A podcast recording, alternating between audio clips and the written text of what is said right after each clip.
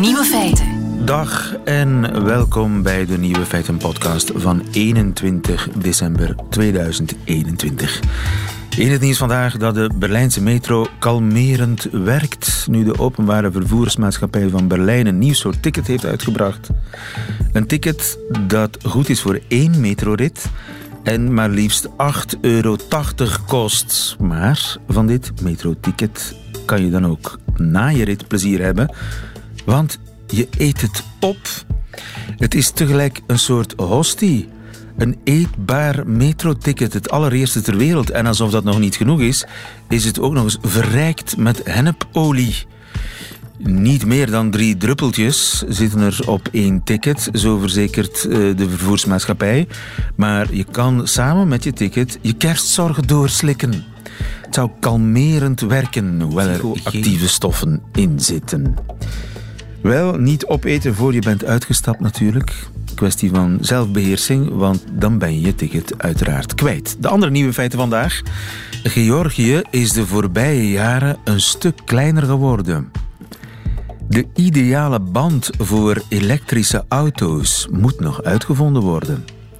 Het stikt van de frauduleuze kredietverstrekkers op de sociale media. En uw kerstboom hoeft geen cliché te zijn. De nieuwe feiten van Hugo Matthijssen hoort u in zijn middagjournaal. Veel plezier.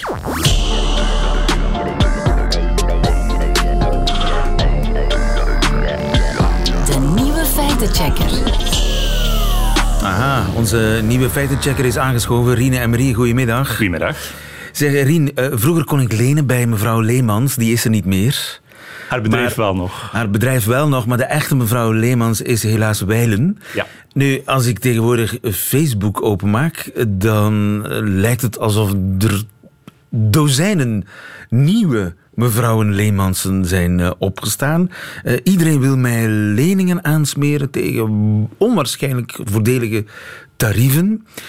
Het lijkt te mooi om waar te zijn en daarom aan jou de vraag om dat even te onderzoeken. Ja, dat heb ik gedaan. En het is inderdaad zo. Op Facebook, je komt heel veel profielen tegen. Niet alleen gewoon in je, time, in je tijdslijn, maar ook als advertentie. Die een fantastisch aanbod doen voor een goedkope lening consumentenkrediet. Stijl mevrouw Leemans. Stel mevrouw Leemans. Echt, mensen, mevrouw Leemans was natuurlijk... Dat is een Begrip, een icoon. een begrip, een icoon. En het is, het is een, zogezegd een persoon, maar het was natuurlijk een bedrijf met heel veel werknemers. Het was ook een persoon, is- ja, ja, die echt, bestond echt, maar uiteindelijk een groot, een groot aantal werknemers. De, de advertenties waar ik over spreek, zijn er van twee types. Het ene zijn zogezegde private geldschieters, private mensen die een particuliere lening aanbieden. Aan een zeer lage rentevoet, meestal iets het 2% wat dan nog net geloofwaardig is misschien, hé, maar veel lager dan een normale eh, rentevoet van consumenten. Consumentenkrediet, dus als je wil lenen voor een koelkast of zo, of Ja. dan, dan, hoeveel betaal je dan? Meestal 4% of meer. Ehm, natuurlijk, men speelt vooral in nu. En de reden dat je er zoveel ziet deze, deze periode van het jaar is omdat het de eindejaarsperiode is. De dure eindejaarsperiode. En als je kijkt in de advertentiedatabank van Facebook, maar je kan die helemaal doorzoeken, zie je allerlei legitieme advertenties staan van de gewone normale eh uitleenbedrijven, genre mevrouw Leemans, eh Koffiedies andere crazy shops, zo'n dingen. Dus niet alles, Alles is fake. is fake, maar er zitten wel veel fake Ja. eh, en er zijn er dus van twee, twee, twee types. De eerste zijn dus de, die pri- private geldschieters die, die doen alsof ze een persoon zijn die echt bestaat. Maar als je dan begint te zoeken naar die foto die ze gebruiken, telkens opnieuw blijkt dat die foto's eh, bekende mensen zijn, maar niet de mensen die men beweert te zijn. Dus ja, er is één, één iemand die zich een eerlijke geldschieter noemt, die, die u meteen kan binnen de 24 uur eh, geld bezorgen. Alle leningen worden altijd goedgekeurd. Dat is altijd het, stramien van zo'n alle, alle, alle leningen worden goedgekeurd. Uh, niemand valt uit de boot. Geen Met- vragen. Ja, nee. Al uw financiële problemen zullen opgelost worden en je kan altijd alles lenen. Die persoon zegt van, ja, kijk, contacteer mij gewoon daarvoor. En als je zijn foto opzoekt, blijkt dat de foto te zijn van een Litouwse politicus die in de jaren 90 tweemaal premier was van Litouwen, maar die heel geloofwaardig en vertrouwwekkend eruit ziet. Hij zit daar klaar met een blaadje papier en een balpen om u die lening te geven. dus zijn dat- foto... Dat zijn kiescampagnes waar Ja, politici voilà, zich presenteren als zeer vaderlijk, betrouwbaar. Het was, en het was letterlijk een foto van op een verkiezingsaffiche. Ehm, een Litouwse verkiezingsaffiche. Litouwse verkiezingen, maar, die, maar de tekst was ervan. Dus eh, men kiest altijd een foto van iemand die er zeer betrouwbaar uitziet. Dat was nu een man, maar de meeste zijn vrouwen, grappig genoeg. Dus vrouwen van tussen de 50 à 60.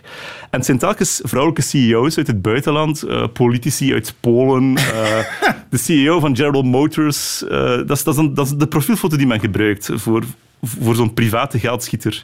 En natuurlijk, die hebben geen leningen. Die gaan u geen lening geven, want... Het gaat ook niet om die mensen Nee, en om die namen niet. Die Het is foto is gewoon identiteitsdiefstal. Ja. Het is diefstal van identiteiten van die foto's. Maar niet zozeer van de identiteit van de foto. van de foto. Maar, Maar het, ja, gezicht, nee, maar het is gezichtsdiefstal. Ja, voilà. Men wil niet echt doen alsof men een Litouws politicus is. Men Ja. Biedt zich aan als een soort uh, Betrouwbare- kredietverlener, zogezegd uit Anderlecht of afkomstig uit Nederland, maar dan is het een Litouwse man. Zwat. Ehm, wat is het punt? Men wil geen lening aan u verkopen. Je krijgt geen geld. Je krijgt geen geld. Eh, ik heb een aantal van die advertenties aangeklikt. En er zijn, zoals gezegd, twee types. De ene is dat men je meteen aanmoedigt om een Facebook Messenger bericht te sturen. Dus gewoon meteen beginnen chatten met iemand. Eh, en als je dat doet, binnen de drie vragen komt de app uit de mouw en blijkt het te gaan op, eh, om een kleine dossierkost die je moet storten op voorhand. En dan pas kunnen we praten over, over die lening. Dus Ah, en wat is die kleine dossier? ik ben even beginnen, beginnen chatten met een van die mensen en ehm, die zei van, ja, luister heel goed naar mij. Degene die u vragen om verschillende kosten te betalen zijn oplichters, zegt de oplichter aan mij. In het Nederlands. In het Nederlands. Ja, ja. Ik ben een dame ouder dan 66 en ik kan het me nooit veroorloven om iemand in mijn leven te stelen. Dat is al iets, een kleine aanwijzing dat het niet iemand is die echt Nederlands spreekt. Google Translate. Ja, Google Translate Nederlands. Eh, er is slechts één vergoeding die je moet betalen om de lening te ontvangen. En, er is slechts, en het is slechts 190 euro.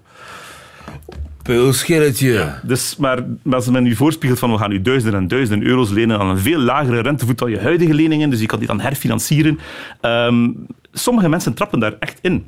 En dat is ook de reden dat men investeert. Zo'n oplichters die investeren in advertenties, want Facebook-advertenties zijn niet gratis. Facebook verdient daaraan.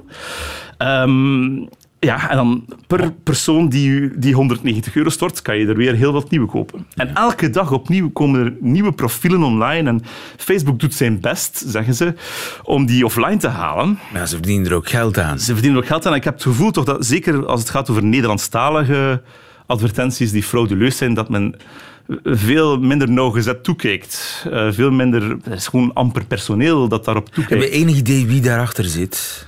Het gaat... Het is, het is ongelooflijk moeilijk te achterhalen. Eén van de zaken eh, die men ook doet, en dat is dan niet via advertenties of zelfs niet eens via een, een, een zogezegde kredietverlener die een profiel maakt op Facebook, maar andere profielen uit de hele wereld, ik heb er gevonden uit Afrika, uit alle continenten, begonnen te reageren, recensies te schrijven en commentaren te plaatsen op eh, Facebook-posts van een echt kredietkantoor. Een echt Oh, kredietkantoor is dat dan die- het tweede type? Dat is het tweede type.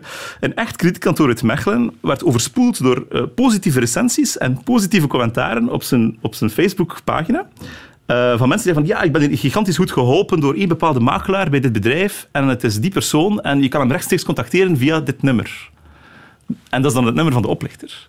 Jeetje. Dus het kredietkantoor zelf wordt overspoeld met positieve recensies die dan In eerste instantie ben je heel blij. Iedereen is ja, tevreden. over deze. Het is ook een, een echt legitiem kredietkantoor.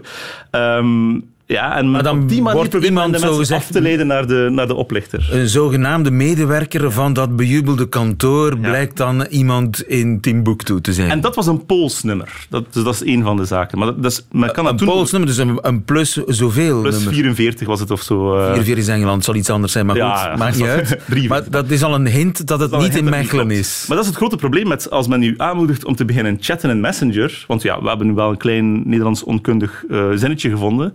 Maar via Messenger kan je niet weten wie er aan de andere kant zit. Je weet niet, het is een, ja, een Pools nummer dat mij belt, dat is verdacht. Ehm, dus dat is lastiger. Eh, Overigens, hoe is het afgelopen met jouw messenger-conversatie met die ene oplichter? Eh, je hebt die 190 euro niet betaald, neem die, ik aan. ik heb die vanzelfsprekend niet betaald. eh, Heeft hij nog aangedrongen? Die heeft niet meer aangedrongen omdat de pagina verwijderd is. Ah, Een dag later. Maar natuurlijk, op dat moment weet je niet hoeveel mensen er al slachtoffer zijn geworden. Dus, conclusie. Conclusie. Er is een website, dus de FSMA, dat is de waakhond, de financiële waakhond in België. Eh, die heeft een website waar je elke erkende kredietverlener in België kan opzoeken. Dus, want behalve de private kredietverleners, die je sowieso nooit moet vertrouwen, zijn er ook heel veel kredietverleners die zich voordoen als een bedrijf. Die hebben een lijst gemaakt, FSMA, van 27 websites van Atlantics Krediet en allemaal namen die ook vertrouwenwekkend klinken.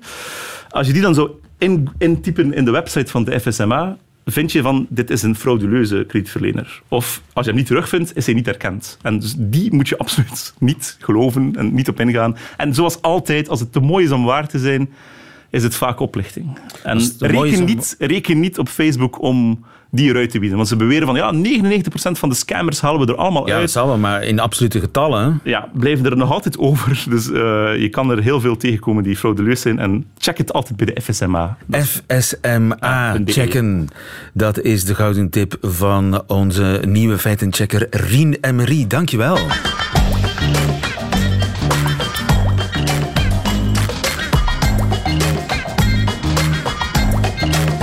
Nieuwe feiten. Georgië is de voorbije jaren beetje bij beetje kleiner geworden. Want Russische soldaten die verleggen er eigenhandig de grens. Tom Venink, goedemiddag. Goedemiddag. Ruslandkenner van de Volkskrant. Je was er correspondent tot november, maar je bent het land uitgezet. Ja. Daar gaan we het verder niet over hebben. Nu, uh, jij was in Georgië zeer onlangs, niet in Rusland zelf, net ten zuiden ervan, hè? Ja, ik was op de grens met uh, een separatistenrepubliekje, dus in Georgië. Um, en die separatisten, ja, die zeggen dat ze zelf een staatje zijn. Maar in feite zijn dat gewoon de Russen. Want de Russen hebben de controle over dat gebied. Ja, Zuid-Ossetië heet dat, hè? Tussen, ja. uh, ten zuiden van Rusland ligt uh, Georgië. En tussen Rusland en Georgië ligt een landje. Dat heet Zuid-Ossetië. En dat in de praktijk bij Rusland hoort. En jij was bij de grens tussen dat door Rusland gecontroleerde Zuid-Ossetië en Georgië. Wat heb je daar gezien? Nou, ik heb een heel opmerkelijke grens gezien. Um, uh, die bestaat maar voor vijf landen. Dus alleen Rusland, Nicaragua, Venezuela en Syrië. En, en Nauru die zien dit als een echte staatsgrens. Um, en die staatsgrens die ziet er ook een beetje gek uit. Op heel veel plekken zie je hem helemaal niet. Op andere plekken er, staat er een bordje met de tekst staatsgrens. En uh, op andere plekken ligt er prikkeldraad. Dus het is een heel uh, ja, gekke grens. En het, het bijzonderste is dat die ook dat hij ook beweegt. Oh, mobiele um, grens. Een mobiele grens die door de Russen uh, ja, stukje bij beetje wordt uitgebreid. Dus dat gaat zo. Um, Russische grenstroepen die pakken uh, een rol prikkeldraad. Die lopen een paar honderd meter Georgië in. Leggen dat draad weer neer. En zeggen, nu ligt de grens hier. En daar hebben de Georgiërs het dan maar mee te doen. En hoeveel meter is die grens de voorbije jaren opgeschoven?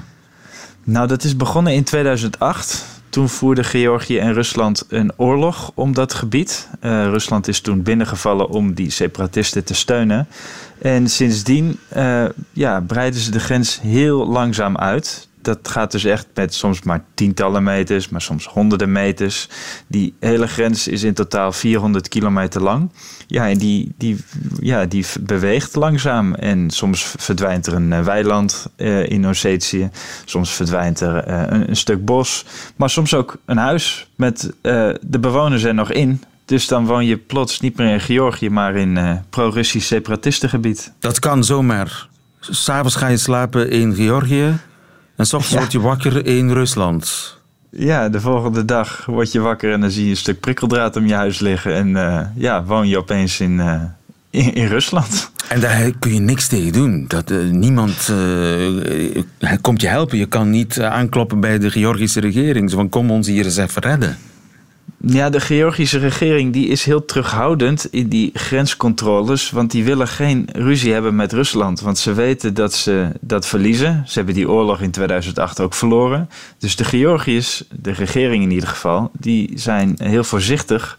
Uh, en ja, daardoor zijn die mensen in de dorpjes langs de grens op zichzelf aangewezen. En weten die mensen nog waar de grens ligt? Nee, voor heel veel mensen is dat onduidelijk. En uh, het komt ook heel vaak voor dat, dat ze bijvoorbeeld uh, op jacht gaan of dat ze naar hun weiland gaan en opeens worden gearresteerd uh, door de separatisten en in de gevangenis belanden wegens het illegaal oversteken van een staatsgrens. Terwijl ja, ze hebben die grens helemaal niet gezien vaak. En dus mensen moeten echt durven erop uit te trekken, want uh, voor je het weet kan je, je kan op elk moment opgepakt worden. Ja, ik sprak een arts die ging op bezoek bij een patiënt in, in pro-Russisch separatistengebied. En nou ja, hij, werd op, hij werd opgepakt en veroordeeld tot een jaar en negen maanden in de gevangenis. Ehm, daar is zoveel rumoer over gekomen dat hij uiteindelijk na twee maanden vrij is gelaten. Maar dit gebeurt heel vaak. Er zijn de afgelopen uh, eh, 13 jaar uh, ongeveer 3200 Georgiërs op dezelfde manier vastgehouden. Ja. En je zal maar opgepakt worden, want je zal maar moeten bewijzen waar je precies bent. Als die kaart zo mobiel is, ja, dan kun je moeilijk zeggen, maar ik was daar. Dan heb je bijna een soort, soort van Google, Google Maps nodig om aan te tonen waar je precies was. Ja, nou, er zijn uh, vrijwilligers die eh, GPS-trekkers uitdelen aan inwoners van dat gebied. En um, dan moeten ze op een knop drukken als ze gearresteerd worden of als ze de grenspolitie zien komen. En dan kun je later bewijzen van, nou, ik was toch wel echt in, uh, in Georgisch gebied.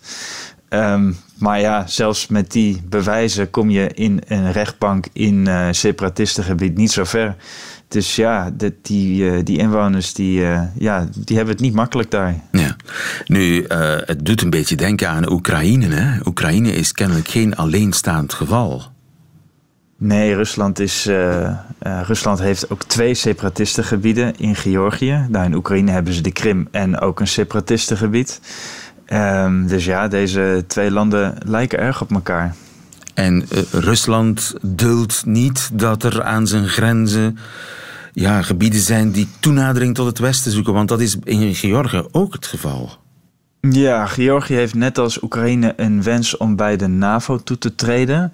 Alleen kan dat niet als je twee separatistenregio's in je eigen land hebt. Dus daardoor is de wens van Georgië eigenlijk, uh, ja, zal dat een wens blijven en uh, zullen ze dat niet kunnen uitvoeren. En daar zijn heel veel Georgiërs ontzettend boos over. Zij zeggen wij zijn een onafhankelijk land, wij willen zelf bepalen bij welke bondgenootschappen wij ons willen aansluiten. Maar Rusland denkt er anders over en als klein landje in de Caucasus, ja, dan, dan sta je daar uh, toch alleen voor en dat verlies je dan. Ja, de vraag is hoe onafhankelijk Georgië is en hoe onafhankelijk Oekraïne is. En dat uh, merken de mensen aan de grens maar al te goed. Tom Venning, dankjewel. Goedemiddag. Goedemiddag.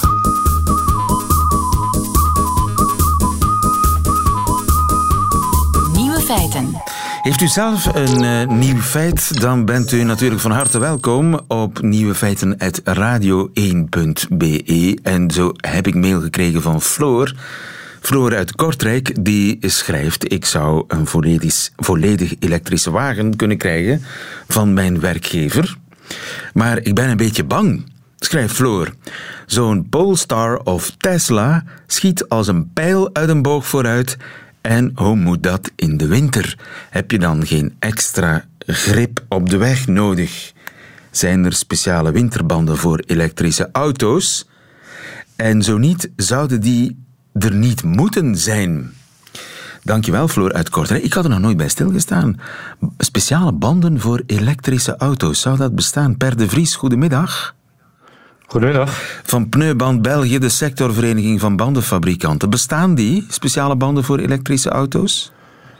Um, er bestaan zeker wel banden, speciale banden voor elektrische auto's. Uh, het hangt even af wat voor soort elektrische auto het is. Want net zoals de elektrische auto in zijn algemeenheid niet bestaat, bestaat ook niet de band voor elektrische auto's in zijn algemeenheid, maar wel hele specifieke oplossingen. Ja, want zo'n uh, echte full electric zo'n Tesla of Polestar of hoe ze allemaal mogen heten, die auto's zijn heel zwaar en hebben een enorm koppel en vermogen. Hè? Ja, dat klopt. En, en ja, net als voor andere auto's is het natuurlijk belangrijk dat je maximale veiligheid in de winter hebt door je auto dan met winterbanden uit te rusten. Maar het gelijk zeker met zo'n enorm koppel, en dat wordt ook vaak gebruikt, kan je zien, is het nodig om banden met een goede grip te hebben. En daarvoor zijn banden aanwezig. Eh, deze, dit soort auto's bestaat staat op vrij sportieve zomerbanden, omdat er juist zoveel grip en zoveel vermogen nodig is. Uh, en voor deze auto's bestaan ook hele goede winterbanden. Dat zijn vaak niet specifiek voor de EV's ontwikkelde banden. Maar die banden, dat zijn de huidige winterbanden voor sportieve auto's, voldoen optimaal voor dit soort EV's. Ja, en eh, dat zijn dezelfde banden die je dan op een hele sportieve auto, maar dan met een klassieke verbrandingsmotor zou, zou stoppen. Ja, dat zijn op dit moment uh, dezelfde banden. En daarnaast zijn er natuurlijk ook een aantal elektrische voertuigen die op hele specifieke bandenmaten staan. U ziet vaak die auto's op hele grote wielen en, en smalle banden. En daarvoor, dat zijn hele specifieke banden voor EV's, daarvoor worden ook voor dat soort maten hele specifieke banden uh, voor de winter gemaakt voor dit soort EV's. Oh, en over, over welke auto's hebben we het dan? Met hele grote, smalle wielen? Ik zie ze niet voor me. Ja, je ziet ze wel steeds meer. Hè? Bedoel, vroeger was dat begonnen met, met een BMW i3. Maar je ziet ook eh, de Volkswagen, de ID3 bijvoorbeeld. Ook die zie je op, eh, op, op hele grote wielen staan, maar toch relatief smalle banden. En dat is ervoor om die banden eh, een hele lage rolweerstand te geven. Dus die banden heel licht lopen. Zodat je met je EV's heel veel extra kilometers kunt maken. Want dat is natuurlijk veel belangrijker voor een elektrische auto dan voor een, een gewone auto, een klassieke auto, die rolweerstand. Ja, dat klopt. Hè. De rolweerstand van de banden die, uh, maakt een groot deel uit van het brandstofverbruik van een voertuig. Een, een benzineauto moet u denken aan uh, een, een, aandeel in het brandstofverbruik van ongeveer 20 procent. 20% van uw brandstof heeft je nodig om die auto aan het rollen te krijgen, om die rolweerstand te overwinnen. Maar bij een elektrisch voertuig kan dat wel oplopen tot 30%. Dus 30% van je actieradius uh, heb je nodig om, uh, of verzorgen die banden op een gegeven moment en dus maken ze die banden smaller, maar ja, dan, heb je, dan boet je toch in op een ander terrein, op, op baanvastheid en zo. Uh, Ietsje natuurlijk, maar die smallere banden die zitten ook vaak op wat kleinere EV's die natuurlijk niet gebruikt worden zoals een Tesla of een Polestar op een gegeven moment. Uh, daarnaast uh, ja, een hoge band die heeft, die is niet zo breed qua contact met de weg. Maar de lengte van het contact van de band met de weg is weer wat groter met zo'n hoge smalle band met een grote diameter.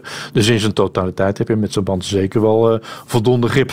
Oh ja, dus eigenlijk misschien moet er onder zo'n zo'n uh, Tesla of Polestar ook zo'n smalle bandjes. Maar ja, dat ziet er natuurlijk niet al te stoer uit. Nee, maar dat gaat er weer niet lukken. Die auto's hebben natuurlijk te veel vermogen op een gegeven moment te hoge snelheden. Want ja, er zijn natuurlijk elektrische voertuigen die kunnen wel 250, maar er zijn er ook andere die zijn beperkt tot, tot 180, 190 km per uur. Wat nog steeds natuurlijk een hele hoge snelheid is. Ja. Maar die grote vermogende auto's, die hebben gewoon brede banden nodig. Dat is een ding wat ja, zeker is. Anders vliegen ze de bocht uit.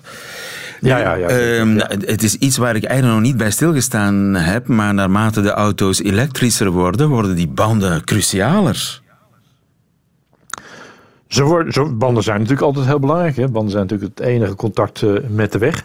Maar bij een elektrische auto is de prestatie van de band uh, heel belangrijk. Zeker voor, voor de, de actieradius van het voertuig. Wat natuurlijk voor heel veel mensen een zorg is. Hè. Hoeveel kilometer kan ik met mijn elektrische voertuig rijden? Dat is natuurlijk veel meer een zorg als bij een uh, auto op, op benzine. En die invloed van die band op dat aspect is, uh, is veel groter. Ja. Daarnaast, ja, ook het geluid natuurlijk. Een elektrische auto is, is heel stil. Zeker ook uh, binnen en buiten.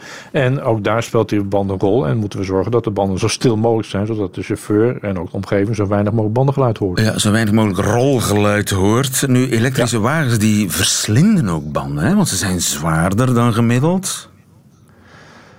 Uh, verslinde banden, ja, dat zou je kunnen zeggen. Maar dat heeft toch meer te maken, niet specifiek met het feit dat het een elektrische auto is, maar meer met degene die met die auto rijdt. Hè. Als Hoezo? Normale, nou ja, ik heb wel de indruk dat mensen met een elektrische auto vaak toch graag uh, dat vermogen ook gebruik willen maken. En bij, bij stoplichten zo hard mogelijk op willen trekken. Wat natuurlijk helemaal niet economisch rijden is. Ja. Maar ik zie ze inderdaad als een, als een raket vaak vertrekken. En dat geeft slijtage. Het is meer die rijstijl als specifiek het feit dat je met een band rijdt onder een elektrisch voertuig. Komt Dus bij een er, normale ecologische rijstijl, ja, dan zal die band niet opeens veel sneller slijten als, eh, als op een gewone personenauto. ja, maar op dit moment zitten eigenlijk door de band genomen dezelfde banden onder een klassieke auto eh, eh, als er zitten onder een elektrische auto, meestal. Gaat dat veranderen? Krijgen we een nieuwe generatie banden door die nieuwe generatie elektrische auto's? Je zult, je zult zien dat, dat de banden steeds verder geoptimaliseerd worden. Hè. U zegt dat er dezelfde banden op zitten. In een aantal gevallen wel, maar soms zijn ze iets meer geoptimaliseerd voor het gebruik onder een voertuig, een elektrisch voertuig. Maar is het wel dezelfde bandenmaat. Maar de bandenindustrie is bezig om de rolwisselend van banden in zijn algeheelheid ook te verlagen. Ook voor normale standaardvoertuigen. Want ja, de CO2-emissie, eh, dat is allemaal natuurlijk iets waar we mee bezig zijn met dat soort voertuigen. En daar moet ook de rolwisselend van omlaag. Dus specifiek, hoe meer elektrische voertuigen er zullen komen, hoe specifieker eh, banden er zullen komen. Eh, maar daarnaast ook de standaardbanden zullen ook steeds zuiniger gaan worden. Per de Vries, dankjewel. Goedemiddag. Graag gedaan. Tot ziens. Radio 1. Nieuwe feiten.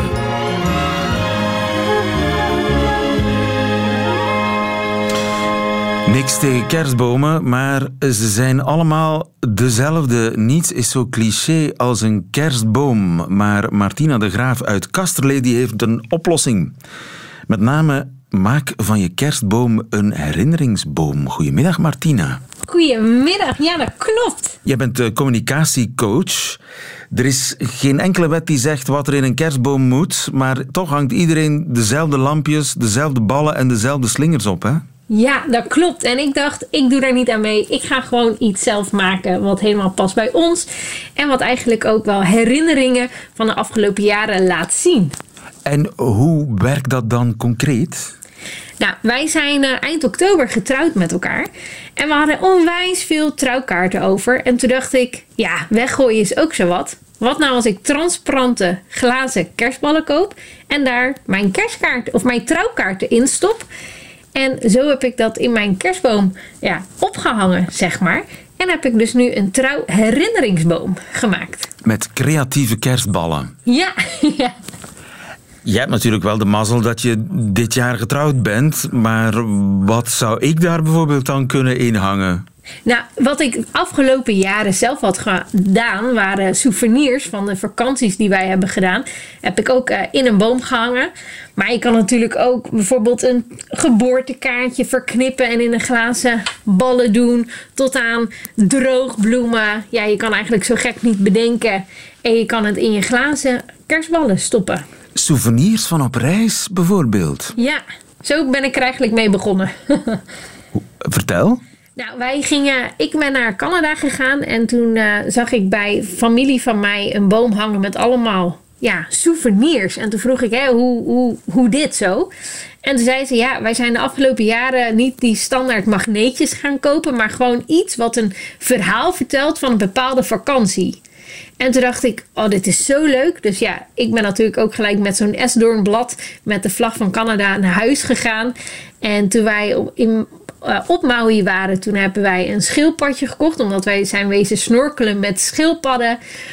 En, Maui, zo dat is Hawaii, hè? Ja, dat klopt. En dus uit Hawaii is een schildpad mee naar Kasterlee gekomen en die hangt eh, nu in de boom. Ja, dit jaar dus niet, maar de afgelopen jaren heeft, eh, ja, dat is zeg maar zo'n houten schildpad, die, eh, die heeft er al jaren inderdaad ingehangen. En wat heb je zo nog allemaal in je boom gehangen de voorbije jaren? Nou, vaak eigenlijk het makkelijkste is natuurlijk een sleutelhanger, want dan zit er al een eh, rondje aan die je alleen maar door het takje hoeft eh, te schuiven. Dus eh, uit uh, hadden wij van die geitenbelletjes, want we hadden heel veel geiten onderweg tegengekomen. En ja, eigenlijk allemaal meer van die dieren en, en ja, dat we hebben opgehangen. Dat is eigenlijk ja, echt heel erg tof. Of een vlag inderdaad, maar niet zo'n... eh, echt wel een, een betekenisvolle herinnering die je levendig houdt. Ja, en glittert die dan nog genoeg, je boom? Nou, door de lampjes werkt dat wel goed. En de glazen ballen die glinsteren natuurlijk ook wel van zichzelf als je er licht op hebt staan. Dus ja, het is niet zo'n eh, kerstboom die je normaal gewoon bent. Maar ja, het is wel ook een hele toffe. Een gepersonaliseerde kerstboom, een herinneringsboom, als dat geen gouden idee is voor eh, deze kerst. Of alle kersten die er nog aankomen. Martina de Graaf uit Kasterlee, dankjewel. Goedemiddag.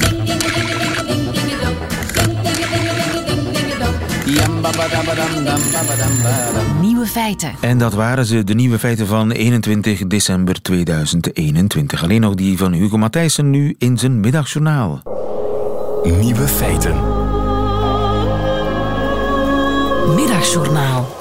Goedemiddag. In mijn kinderjaren kwam je wachtwoorden enkel tegen in spannende verhalen. Een spion liet bijvoorbeeld in 1917 via een reisduif aan de Engelsen weten dat het wachtwoord Wiedergutmachung was. De Engelsen wisten dan dat ze snel moesten handelen als ze de granaatwerper in de vijandelijke loopgraaf onschadelijk wilden maken, want de mof veranderde dat wachtwoord elke 24 uur hoeveel Duitse soldaten door hun eigen makkers werden gemold, omdat ze niet wisten dat Wiedergutmachung al sinds middernacht was veranderd in levenservaring, werd er nooit bij verteld.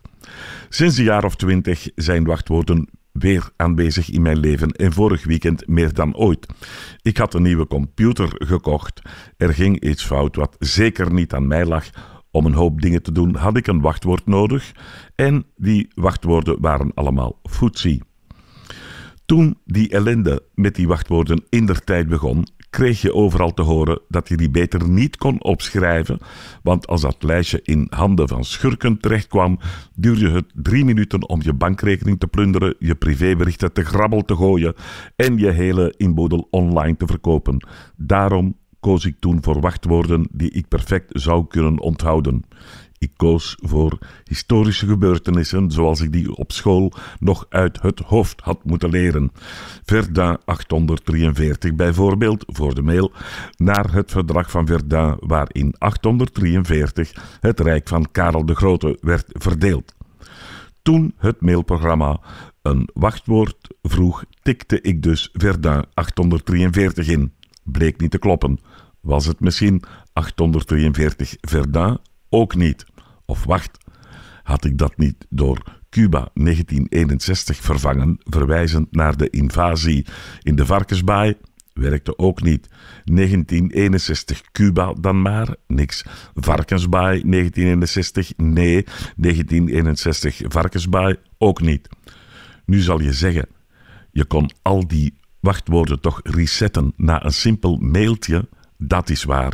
Maar dat zou een nederlaag zijn geweest. Dan had ik moeten toegeven dat mijn brein het ook al had begeven. Enfin, het daagde mij dat ik een jaar of tien geleden was overgestapt van de politieke naar de kunstgeschiedenis.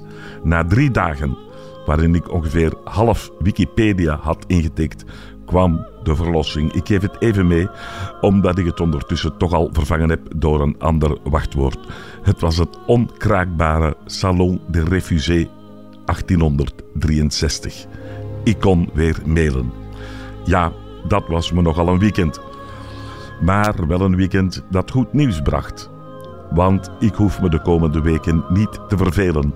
Er is nog een dozijn wachtwoorden die ik me totaal niet meer kan herinneren. Laat die lockdown dus maar komen.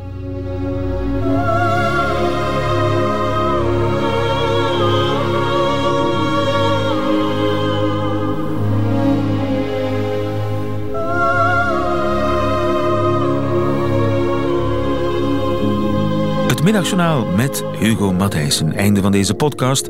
Hoort u liever de volledige nieuwe feiten met de muziek erbij? Dat kan natuurlijk live. Elke werkdag tussen 12 en 1 op Radio 1. Of on demand via radio1.be of onze app. Tot een volgende keer.